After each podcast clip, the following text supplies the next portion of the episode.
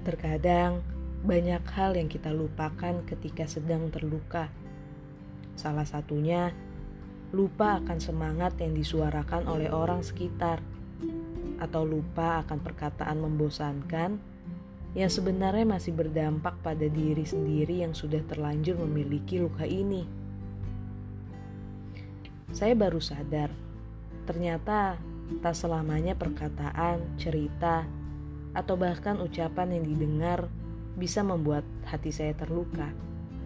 Di antara itu semua, ternyata masih ada satu hingga dua perkataan, cerita, bahkan ucapan yang justru menjadi dorongan untuk melakukan hal atau meraih tujuan yang sudah lama tertulis di dalam pikiran, walau itu di luar logika sekalipun.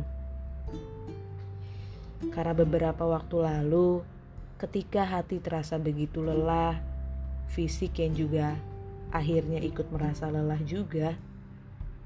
Merasa apa yang sudah dikerjakan sampai di titik ini adalah suatu hal yang sia-sia dan bahkan tidak berguna sama sekali. Sampai pada akhirnya, seperti sebuah film Home Alone yang selalu diputar di televisi swasta ketika libur akhir tahun tiba, satu persatu perkataan, cerita, dan bahkan ucapan dari orang terdekat muncul begitu saja di dalam ingatan. Seolah perkataan itu menyadarkan saya bahwa apa yang sudah saya lakukan sampai hari ini tidaklah sia-sia, walau terasa lama, walau terasa lelah karena berjalan seorang diri, tapi berkat perkataan, cerita, serta ucapan yang dikatakan oleh orang terdekat saya, secara ajaib, dorongan yang sempat pupus begitu saja di dalam hati muncul kembali ke permukaan. Semangat itu muncul, keinginan untuk menyelesaikan apa yang sudah dimulai kembali ada. Meski saya sadar bahwa luka yang saya punya juga masih sering menyelinap ingin merusak segalanya.